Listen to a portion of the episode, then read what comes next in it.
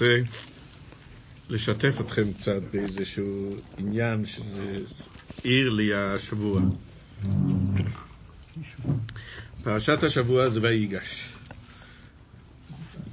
יהודו ניגש ל... ליוסף, והוא ניגש אליו בעוצמה, כמו שרש"י אומר, אם למלחומה זה יהיה מלחומה. הוא אומר, ידבר נועדוני דובו בעיני שהוא רוצה לדבר דבר בעיני יוסף, מדבר עליו בתקיפות. אז הרב שואל את זה גם כן במיימר של השבוע, של בדבר מלכוס, אז הרב מביא את הנקודה גם כן, מה פתאום יהודו קם על הרגליים האחוריות, כמו שאומרים בזה. היו עוד. הרי קודם בא ראובן ליעקב, הוא אומר ליעקב, שני בניי, שני בניי תמיד, אם אני לא אביא לך. ויעקב זה לא מצא חן בעיניו. כשהגיע יהודו ואומר, אנוכי אוהבנו, מיודי תבקשנו, פה, זה, פה, פה כבר יעקב אה, נכנע. אז הרב שואל במיימר של השבוע, שואל הרב, מה קרה בזה, מה חידש יהודו שבדברים שהוא בא להגיד ליוסף, כל הדברים היו ברורים קודם. מה קרה מה פה? שכנע אותו? מה, ועד כדי כך שהוא השתכנע, כן. שהוא אומר שלמיכיו שולחני אלוקים, זאת אומרת שיהודו סובב לו את המוח. קודם הוא היה עצבני על האחים, ויהודו בא בדיבורים שלו, הוא הבין שלמיכיו שולחני אלוקים. אני עוסק לאחרונה בנושא של חסידות, אחד הנושאים המפורסמים בחסידות זה ההבדל בין משכיל לאויבד. מה זה משכיל ומה זה אויבד? אז הדמות שהרבה הקודם, הרייץ, מביא, זה מביא את הסיפור על רבי אייזיק אומלר ורבי הלל פריצ'ה, שהרבה מהרש פעם שמע מה, מהאדמו"ר הצמח צדק שיש משכיל, שרב אייזיק הוא משכיל ורבי הלל הוא אויבד, ככה וכך שמע הרב, מהרש. והרבה מהרש ניגש לצמח צדק ואומר לו, תסביר לי מה ההבדל בין זה. כך הוא שואל אותו. אומר לו, אומר, אז הרי הצמח צדק לא ענה לו. צמח צדק עשה, אה, בחדר שלו הוא קרא לעשרה אנשים, וביניהם רבי זיקומלר ורבי הלל פריצ'ר, והוא הסביר, הוא אמר מיימר. בלילה, מאוחר בלילה, אז הרבה הצמח צדק קורא לרבה מהרעש, הוא אומר לו, לך תראה איך רב אייזיק נראה ואיך רבי הלל נראה. כך הוא אומר להם. אז הרבה מהרעש יצא, והוא רואה שרב אייזיק עם הראש שמוט לאחורנית. עמוד? עוד לא, הראש. מה? הראש? שמוט לאחורנית, אה, שמוט, והוא- שמוט. והוא, מתרכז מאוד, אתה רואה עליו שהוא כולו קורן אור, והוא מתרכז מאוד בזה. אז הוא אומר לו, ואחר כך הוא עבר לרבי הלל, רבי הלל כפוף, וכל כולו ככה מתעמק בדבר. הוא בא וסיפר את זה לצמח צדק, והצמח צדק מסביר לו שרב אייזיק תק- לקח שם בתוך הדברים שיש תלת ריישין, משהו כזה, שזה דרגה מאוד גבוהה בחסידות, ובזה, והוא עסוק בזה. רבי הלל עסוק במשהו אחר לגמרי. רבי הלל עסוק בתוך עומק העניין של, של הדבר, והוא, שזה התנועה, התנועה מראה על מה רבי אייזיק חושב ומה רבי הלל חושב. לענייננו, מה זה שייך? יהודו בא ראובן, אני זה, לא יודע אם זה אמיתי, אבל ככה, זה ההבנה שלי. ראובן היה משכיל. הוא בא ליעקב אבינו ואומר לו, את שני בניי תמית. מה הכוונה שני בניי תמית? שאני, תנתק את הקשר שלי. אני כאילו, הילדים שלי לא יהיו שלי. אני מוכן ללכת עד מסירות נפש, לך. עד מסירות נפש, שלא ייזכר עוד שמי, כמו, ש, כמו שמשה רבינו אמר, בזה משה רבינו אמר, מחני נא מספריך. זאת אומרת, אם אתה לא רוצה, זה בא יהודה ואמר, זה בא ראובן ליעקב אבינו ואומר לו, אני מוכן למסור את נפשי עד כדי כך. והרב מורי דורון אמר לי הערה מאוד נכונה, ואחר כך חשבתי על זה שזה מאוד נכון.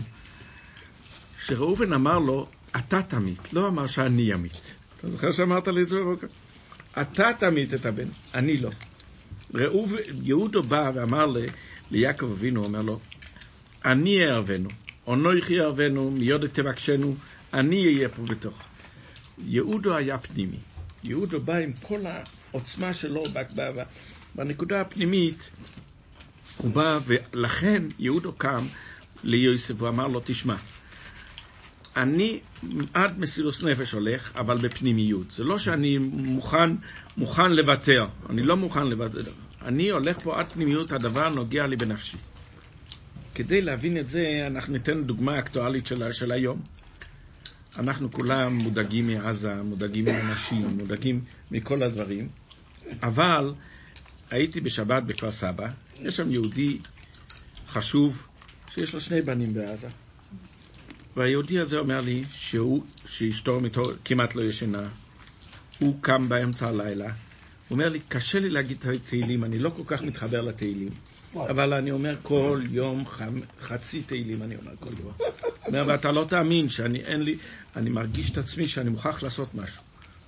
זאת אומרת, יש הבדל אם זה בתיאוריה, לכולם מאוד כואב, אבל יש הבדל אם יש לך את הבן שלך בתוך הנקודה, אז אתה זה משהו אחר לגמרי. נכון. יהודו קם ליוסף, הוא נתן לו את זה בצורה כזו שהוא הבין יוסף שזה לא פשוט הדבר, שאצלו זה בנפש עד הסוף. שהוא מוכן אפילו להיות עבד, העיקר שיין כיף אבינו לא יקרה לו שום דבר. זה ממש ככה. אבל זה, גם, גם, גם ראובן נתן את זה. ראובן אמר, ת, ת, תוריד את כל הדורות שלי, שלא ימחה שמי, זה לא מספיק.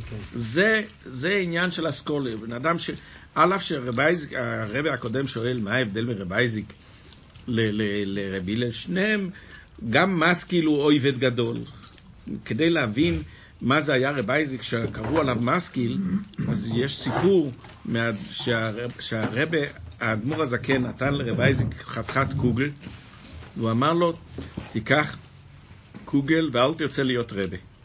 וכשהסתלק האדמו"ר האמצעי, באו לרב אייזיק להמליכו שהוא יהיה רבה, לפני הצמח צדק. הוא היה יותר מבוגר. ורב אייזיק עלה על העגלה לנסוע להיות רבה. ואחר כך פתאום הוא נזכר שהאדמו"ר הזקן אומר לו, תהיה, תאכל קוגל ואל תהיה רבה. הוא ירד מהעגלה ואומר, בייזיק אומר בצורה כזו, תדעו לכם שגדול הניסיון האחרון מהראשון. שהניסיון האחרון לא להיות רבה, אומר, ברגע שעליתי על העגלה, נפתחו לי העיניים וראיתי מתחילת העולם עד סופו. אומר, כשירדתי זה נסגר הכל. זה הכוח של האדמו"ר הזקן, שאמר לו לא להיות רבה, זה נתן לו את, ה, זה, את הקוגל הזה, שנתן לו כנראה משהו בגשמי, אז, אז, זה לא. זה היה רב אייזיק שעליו אמרו מסקיל.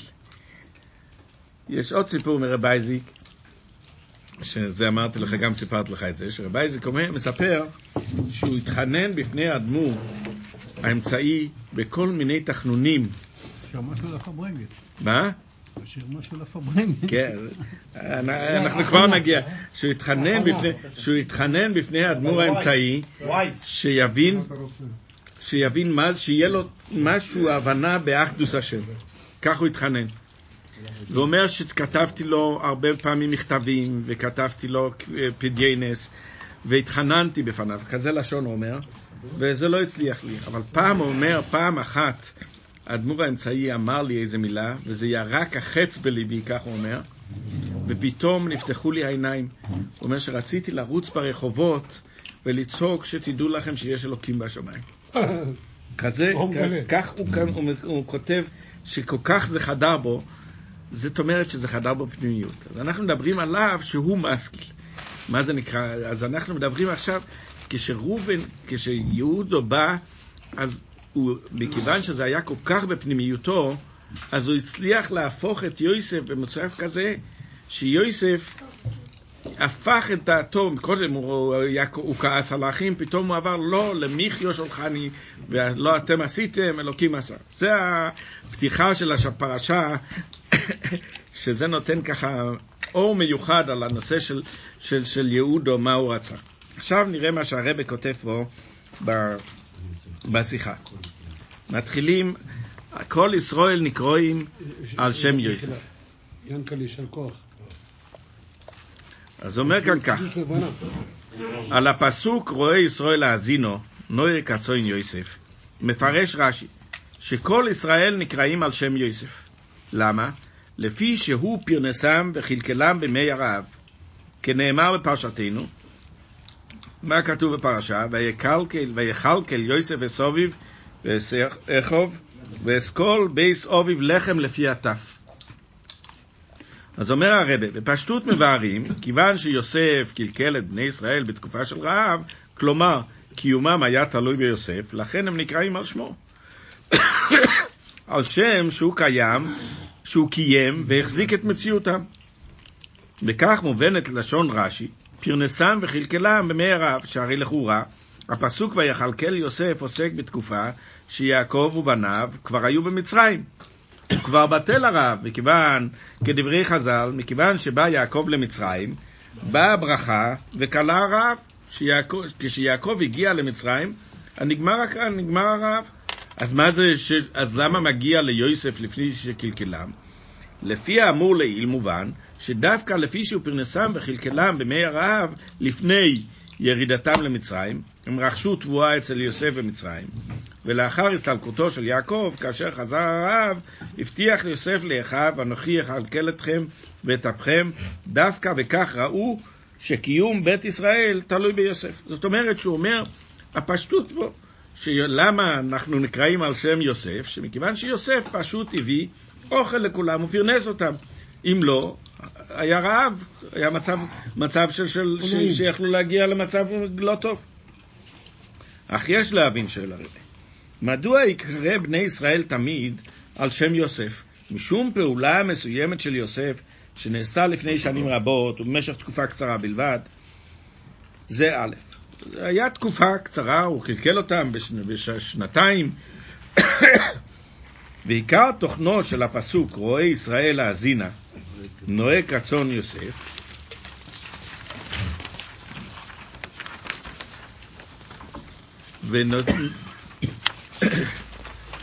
נוהג רצון, ובסוף כתוב הופיע, ובקשה מאת הקדוש ברוך הוא, האזינה והופיע.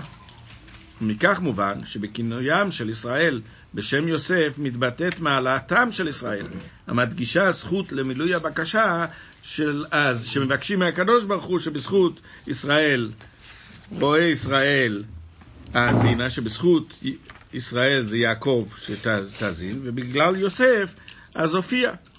ויותר מכך, מכיוון, ויותר מכך, מכך, מכך שהמילים נוהג כצאן יוסף מופיעות לאחר חלקה הראשון של הבקשה. מה זה החלקה הראשון? של רואה ישראל האזינה, מובן שהכינוי יוסף מבטא מעלה גדולה יותר מהשם ישראל. לפחות לגבי העניין המדובר במזמור זה.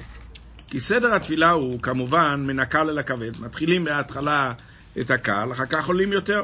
תחילה מוזכרת מעלה פחותה יותר, ולאחר מכן, אם אין די בכך, מוסיפים מעלה גבוהה יותר וכדומה. ואז אומר, שואל הרבה, ואין מובן, במה מהווה העניין שיוסף פרנסם וכלכלם במי הרעב, זכות ומעלה של כל ישראל, עד אשר יתרון זה משפיע ומסייע להאזינה, שזה מגיע לא רק להאזינה, להופיע גם כן. מה זה, סליחה, להאזינה? רואה ישראל להאזינה, ועל יוסף כתוב הופיע. ויש לומר, זו השאלה של הרבי. הרבי שואל, מה המעלה של יוסף עד כדי כך שהוא הרבה יותר גבוה מישראל? לכאורה, יש לומר, כן, ולכאורה שההסבר הוא לכך הוא, כל עניין גשמי מתחיל ומשתלשל ממקורו הרוחני. וכך בענייננו, העובדה שיוסף פרנסם וכלכלם במי הרעב בפשטות, כלומר שפרנסתם הגשמית של בית ישראל במי הרעב הייתה תלויה ביוסף, נובעת מכך שהוא קלקלם במי הרעב ברוחניות. רעב בגשמיות קשור לרעב ברוחניות. הרי אתם בחב"ד, בעולם לא אומרים את זה כך, בעולם אומרים ברוחניות ובגשמיות. בחב"ד אומרים בגשמיות, הברכה בגשמיות וברוחניות. שגשמיות של יהודי זה חלק מהרוחניות. קודם צריך בגשמיות. אז אומר, וזהו, אז אומר הרבה, רעב בגשמיות קשור לרעב ברוחניות. תקופה ומצב של אלם ואסתר, שבו אין האלוקות מאירה בגלוי, אז זה רעב ברוחניות, ומעלתו המיוחדת של יוסף היא שבכוחו לכלכל ברוחניות גם בימי הרעב. איך, זה, איך אנחנו רואים את זה? כפי שיוסבר להלן בהרחבה. וזהו הפירוש הפנימי. הוא פרנסם וכלכלם בימי הרעב. יוסף השפיע לבית ישראל ממעלותיו ומן התכונות הנעלות שלו, שבאמצעותן אפשר להתגבר על הרעב. הוא החדיר זאת באופן של פרנסם וכלכל, וכלכלם. כך שזה יהיה מזונם ופרנסתם, שהדברים יחדרו לפנימיותם ויהפכו להיות דם ובשר כבשרה. ולכן נקראים ישראל עד סוף כל הדורות בשם יוסף. למה? כיוון שהוא פרנסם וכלכלם במי הרעב. כי על ידי כך הושרשה לכלל ישראל לתמיד המעלה המיוחדת של עבודת יוסף. הרב מסביר פה שיוסף, זה שהוא פרנס וכלכל את ישראל, יש לזה נקודה מיוחדת. זה לא סתם שהוא פרנס אותם, שהוא נתן להם עוד שנתיים לאכול. יעקב נתן להם לאכול לפני כן 20 שנה או 30 שנה, פה השנתיים האלה. אז הוא אומר, לכן מובן מדוע נקראים ישראל בשם יוסף דווקא במזבור זה הקשור לבקשה של רועי ישראל להאזינה, משום שתוכנו של מזמור זה היא התפילה לגבי שלוש גלויות. אשר משום זה נאמר במזמור זה שלוש פעמים, השיבנו, האר פניך ונבשע. וזכותם העיקרית של ישראל בעת גלותם קשורה ליוסף, שיוסף פרנס, אשר פרנסם וכלכלם רעב, אף יותר כאשר מעלתם בישראל, כישראל, רואה ישראל להאזינה כפי שיוסבר להלן. אז עד כאן מסביר הרבה שליוסף יש כוח הרבה יותר גבוה מאשר ליעקב, עד שכל ישראל נקראים יוסף על שם יוסף הצדיק ולא על שם יעקב. אז הוא מסביר פה כך, מה ההסבר? עד עכשיו הוא אמר את הדברים, עכשיו הוא אומר את ההסבר. ייחודו של יוסף משאר השבטים הוא בכך שהוא היחיד אשר היה בגלות אצל אדון ומלך זר, שהוא נשבע לבין הגויים. לא רק בתקופה הראשונה לאחר שהורד מצרימה, בהיותו עבד בבית פוטיפר ואסיר בבית הסוהר, אלא אף בתקופה מאוחרת, בהיותו כבר משנה למלך, אשר בלעדיך לא ירים איש את ידו ואת רגלו בכל ארץ מצרים.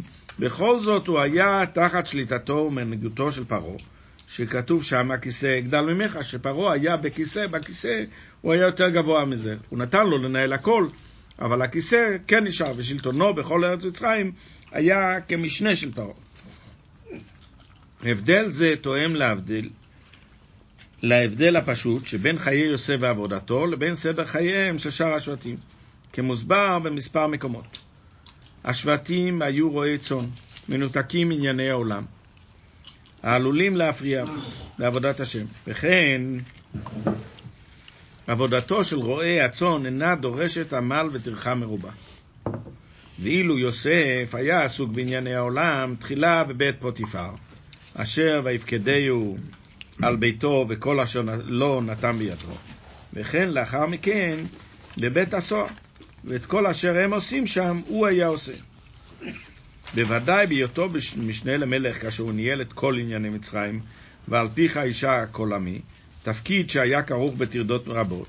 אך למרות כל זאת, לא בלבלו אותו כל הטרדות הללו בעבודת השם. ובו בזמן הוא נשאר קשור בדבקות מוחלטת לאלוקות. אצל השבטים האחרים הייתה דבקותם בהשם כרוכה בהתבודדות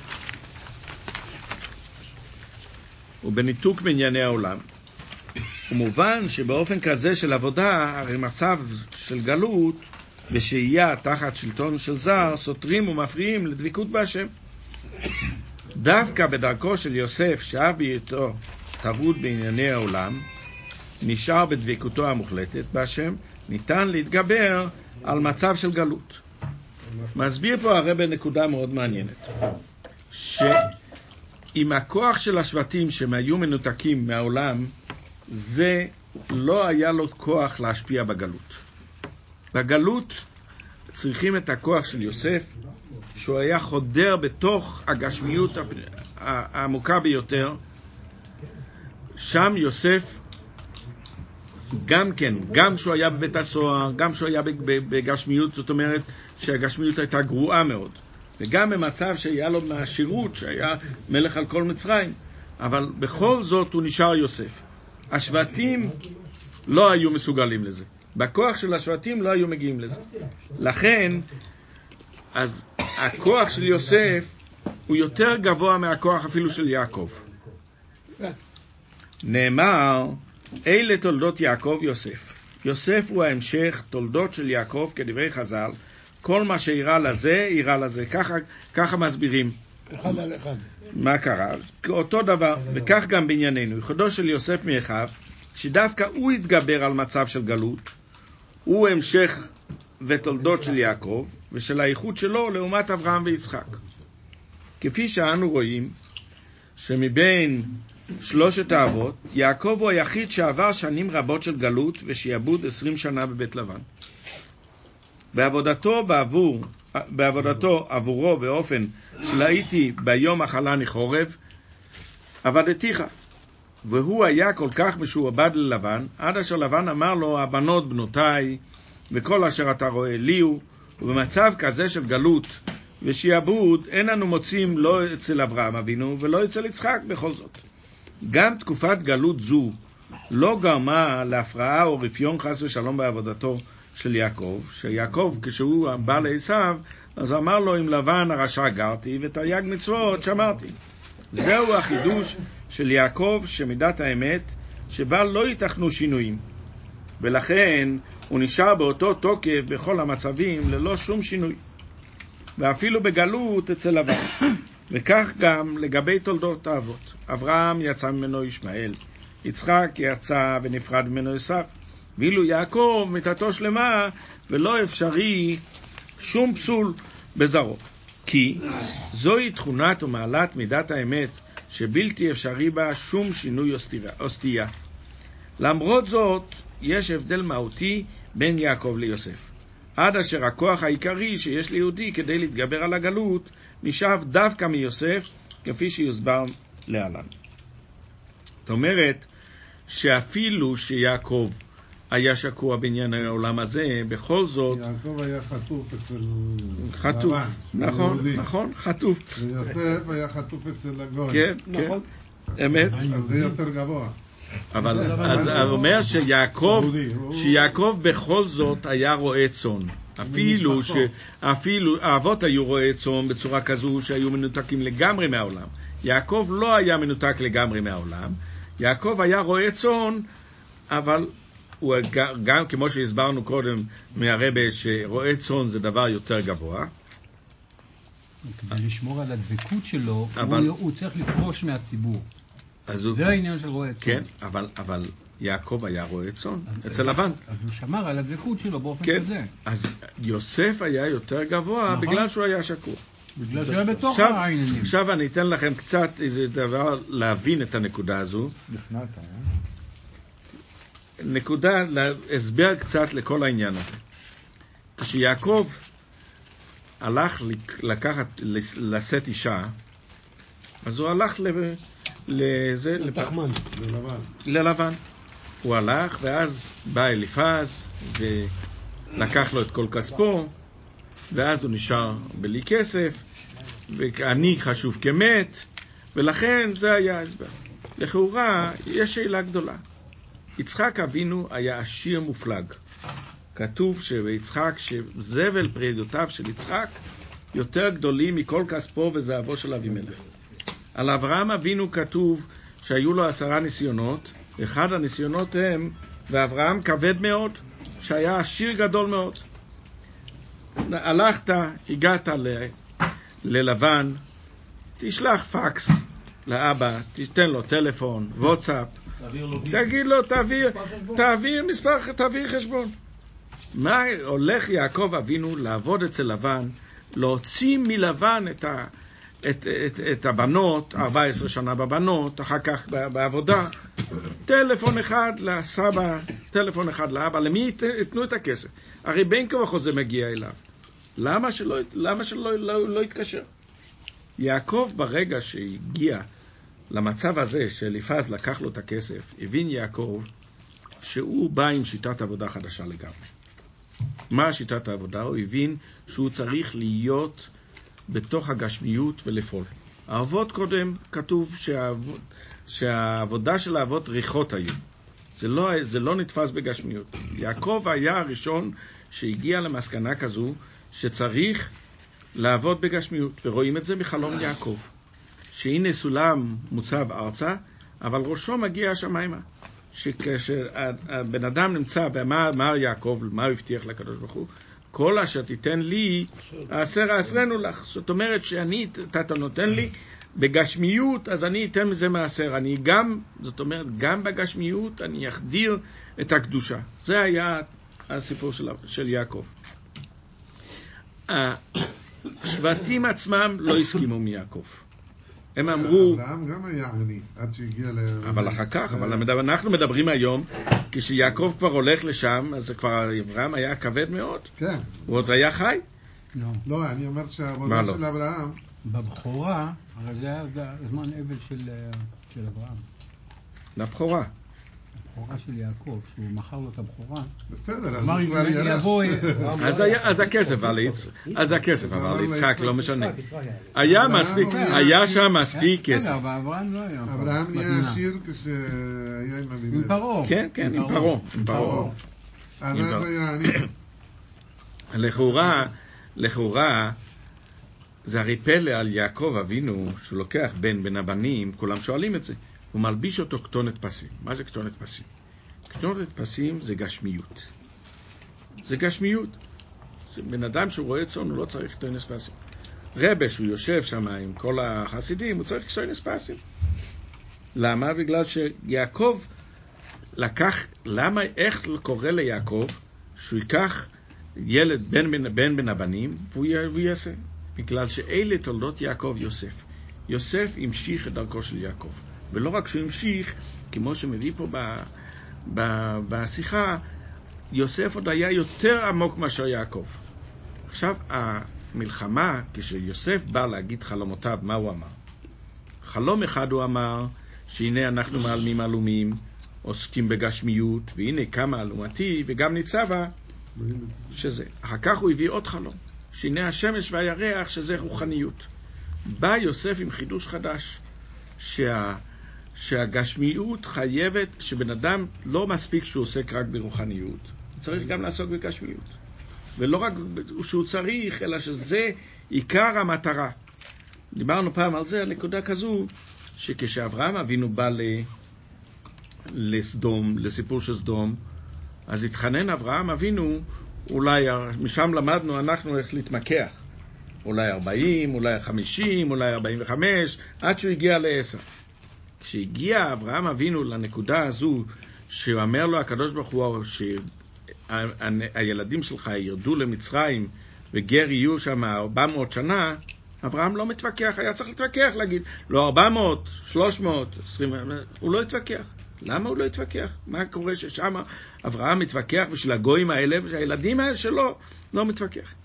אברהם הבין שעיקר העמל של, ה, של, ה, של היהודים זה לקחת את הגשמיות ולהפוך אותו לרוחניות. זה הבין אברהם. פה הוא לא התווכח. גר יהיה, שהוא ידע שזה תוכנית של הקדוש ברוך הוא, שבנ... שעם ישראל צריך לרדת למצרים וליש... ולקחת ולהפוך את מצרים. לכן, כשהאחים של יוסף באו לריב איתו, אז הם אמרו לו, אתה יודע מה, בהתחלה רצו להרוג אותו, הם חשבו בכלל ש... ש... שהוא חי מיסר. אחר כך הם אמרו לו, אם כן, בוא נראה את חלומותך, אתה, אומר שמצרים צריכים להפוך את מצרים. שצריכים להפוך גשמיות לרוחניות, בסדר, נשלח אותך למצרים, שלחו אותו למצרים. הורידו את כתונת הפסים והביאו את זה ליעקב, וטבלו את זה בדם. מה הם אמרו לו? אתה לקחת את יוסף והכנסת אותו למצב כזה, שהוא לא יודע אה, שהוא שקוע בעולם הזה, הנה, תראה מה שקרה לעולם הזה. דם זה הרי אמס, עולם אמיתי. הנה הכתונת פסים לפניך, טרוף תורף יוסף, יוסף נטמע בתוך העולם הזה. זה לא שהוא הרים את העולם, שהעולם סחף אותו. זה היה הטענה של השבטים. עכשיו שהגיע למצרים, על סמך מה הם אמרו את זה? מה? הוא היה בגיל 17, על סמך מה אמרו. שהוא- יוסף היה באותו דעה של יעקב. השבטים, השבטים לא היו באותו דעה. השבטים אמרו, הנה אברהם היה רועה צאן, יצחק היה רועה צאן, מה פתאום שייכנסו לגשמיות? הרי אותו דבר, טענה, זה היה... היה דעה שלהם, הם עשו, איך אומרים, כן. לעצמם, זה לא ש... כן, הם, אבל הם, הם הבינו את זה. הם חשבו הם שזה- חשבו שהגשמיות זה דבר שיהרוס אותם. כמו שהיה אותו סיפור שהרבא אומר את זה במרגלים, מה רצו המרגלים? הם באו ואמרו שהגשמיות תוריד אותם לגמרי. הם לא הבינו את העומק שעיקר זה לברר את הגשמיות. עכשיו, אחרי ש... אחרי שאמרנו את ההקדמה הזו, אז נמשיך הלאה. ההבדל הפשוט בין גלות יעקב לבין גלות יוסף, אצל יעקב, אמרת שתתווכח, אבל לא משנה. בסוף אני אתווכח איתך. אצל יעקב, בנוסף לכך. ששיבעודו ללבן התבטא רק בעבודתו עבור לבן כפועל, רועה, ולא עבד ולא עבד, בכל זאת, לבן לא היה איש זר, אלא עצמי ובשריה. הוא היה איתו ביחד בידידות. הרי גם בהיותו בגלות אצל לבן, הוא לא היה שקוע לגמרי בענייני העולם. גם שם היה במצב של ויברח יעקב שדה אדום, שדה ארם, הוא היה רועה צאן, שכאמור לעיל זוהי עבודה שניתן להישאר בהתבודדות מענייני עולם, וזאת משום שיעקב הוא תכלית הקדושה והאור, נעלה לחלוטין מחושך הגלות. כי לשון החסידות, דרגת יעקב היא עולם האצילות, ששם לא יגורך רע, שם אין חושך, אין כלל חושך והסתרת אלוקות. וזהו ההבדל שבין- יעקב והאבות לבין השבטים. השבטים היו רועי צאן במטרה לפרוש מן העולם כדי שענייני העולם לא יפריעו. וזה מצביע על כך שענייני העולם נחשבים לגביהם, אשר על כן הכרח לפרוש מהם. פה הרב מעלה נקודה מאוד מעניינת. שזה שהם היו רועי צאן בגלל שהם רצו לברוח מהעולם. הם הבינו שהעולם הוא מציאות מסוימת, והמציאות הזו יכולה להפריע להם, ובכל זאת, אז הם, כדי לזה, הם פשוט ברחו מהעולם. מי? הש- השבטים. סליחה, השבטים, פה השבטים היו, כמו שאומרים, פלאחים. לא. לא, זה? פלאחים זה עובדי, אדמה. נכון. הם לא היו עובדי אדמה. הם לא עבדו, הם לא... הת- הם. היו רועי צאן, זה משהו אחר לגמרי. זה אתה יכול להתבודד וללכת, אתה לא... אתה אתה יכול לחשוב חסידות. ולחשוב בתפילה וכל... לא מפריע לך שום דבר. אז הוא אומר,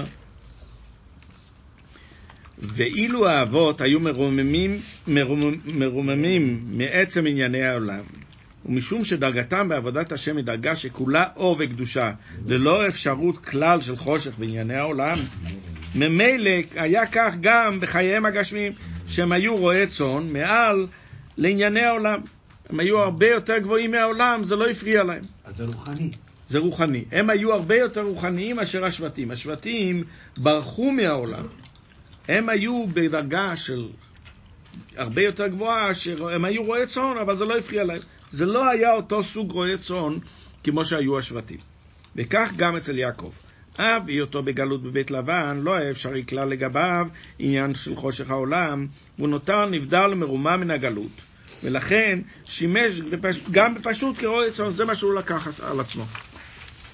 עניין זה, שגם כאשר יעקב יורד לגלות, הוא נשאר מובדל ונעלה מן הגלות, מתבטא גם בכך, שכאשר מתרחשת מלחמה בין יעקב לבין שרו של עשיו, התאבקות בין יעקב לבין הצד שמנגד לו, הרי אז שרית עם אלוקים ועם אנשים ותוכל. יעקב נעשה, מה זה שרית? נעשה שר ובעל הבית על המנגדים אליו. עד אשר שרו של עשיו עצמו מוכרח להודות כי לא. שלא ייקרא שמך יעקב, כי לא יעקב שמך, כי אם ישראל כי שרית. וכך, גם כאשר ירד יעקב למצרים, בנוסף לכך שנשאר נבדל מן המצרים, בדומה לאמור לעיל, בבית לבן, בהיותו בארץ גושן, מיטב הארץ. הרי ויברך יעקב את פרעה, שיעלה נילוס לרגליו, ומשקה את הארץ. יעקב הוא המברך את פרעה, עד אשר פרעה יכיר בכך שפרנסת המצרים באמצעות הנילוס תלויה בברכתו של יעקב. אז היום זה ככה? לא. מה? אני- עד היום הנילוס, הנילוס משקה את הכל. כן. לא- אבל ב- כשיעקב בא, אז הנילוס התרומם. לא צריכים לשאוב ממנו, אלא שהוא יתרומם. אז עכשיו הוא מסביר? מה? אה, היום כבר לא מתרומם? היום מושכים ממנו. כן, אבל היום מצרים זה חרבנה, אין שם כלום. מה? לא שואבים ממנו, לא, כן. לא, לא, לא, לא. זה היה חידוש, כן. סכר אסואן. אסואן, סכר אסואן היום, הוא מבסק את. כן, אבל מה זה מצרים? הזרימה של המים. עכשיו הוא מסביר.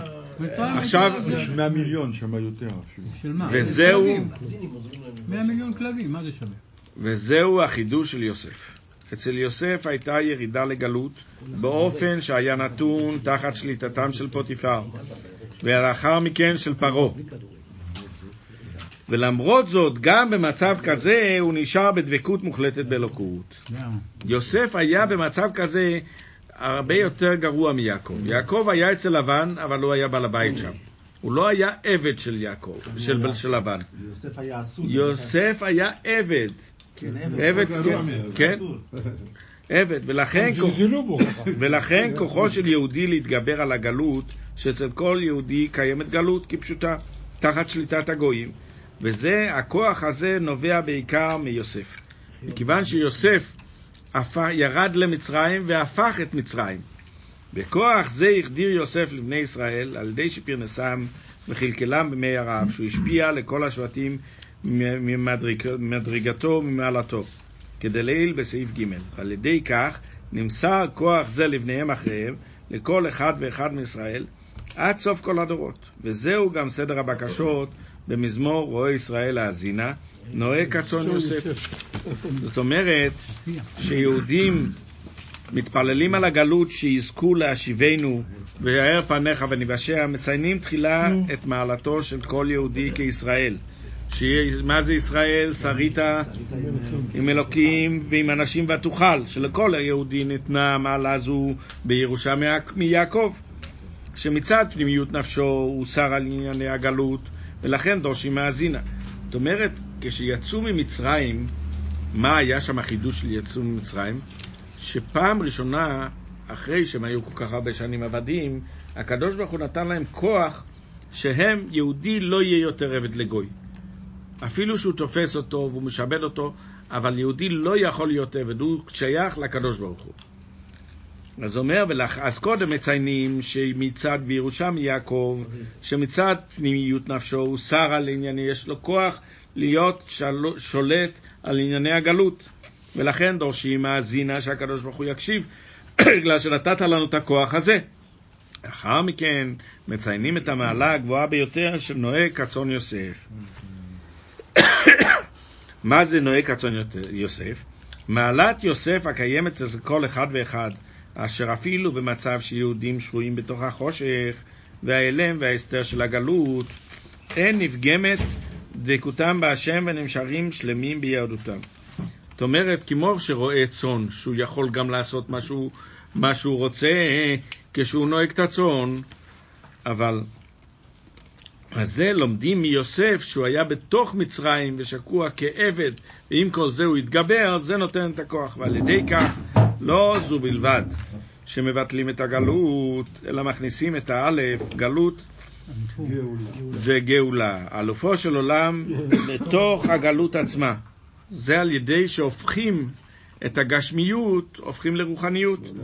והופכים את הגולה עצמה, שזה גשמיות וזה מצב של, של גולה, זה מצ...